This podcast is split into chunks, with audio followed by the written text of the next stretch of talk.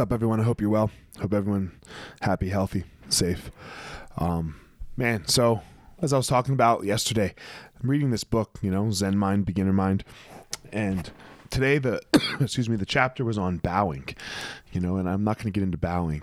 Um, but there was a part of it, you know, where they're talking about some some things in, in, in, Buddhism, and one of the things that they were saying, one of the things that the book was talking about was, um, although Buddhism is unattainable, we we are all striving to attain it.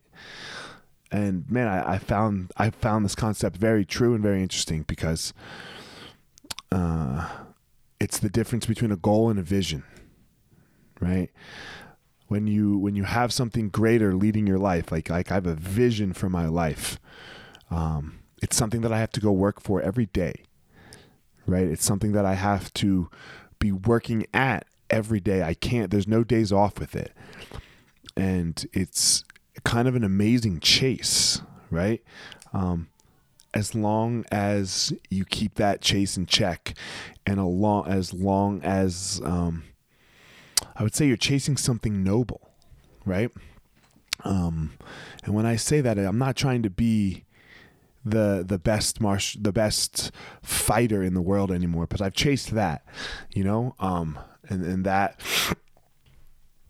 although the pursuit was very genuine and noble it can it can lead down some dark paths sometimes. Um but for me right now the pursuit of changing a life you know is feels amazing the pursuit of being a being an amazing dad.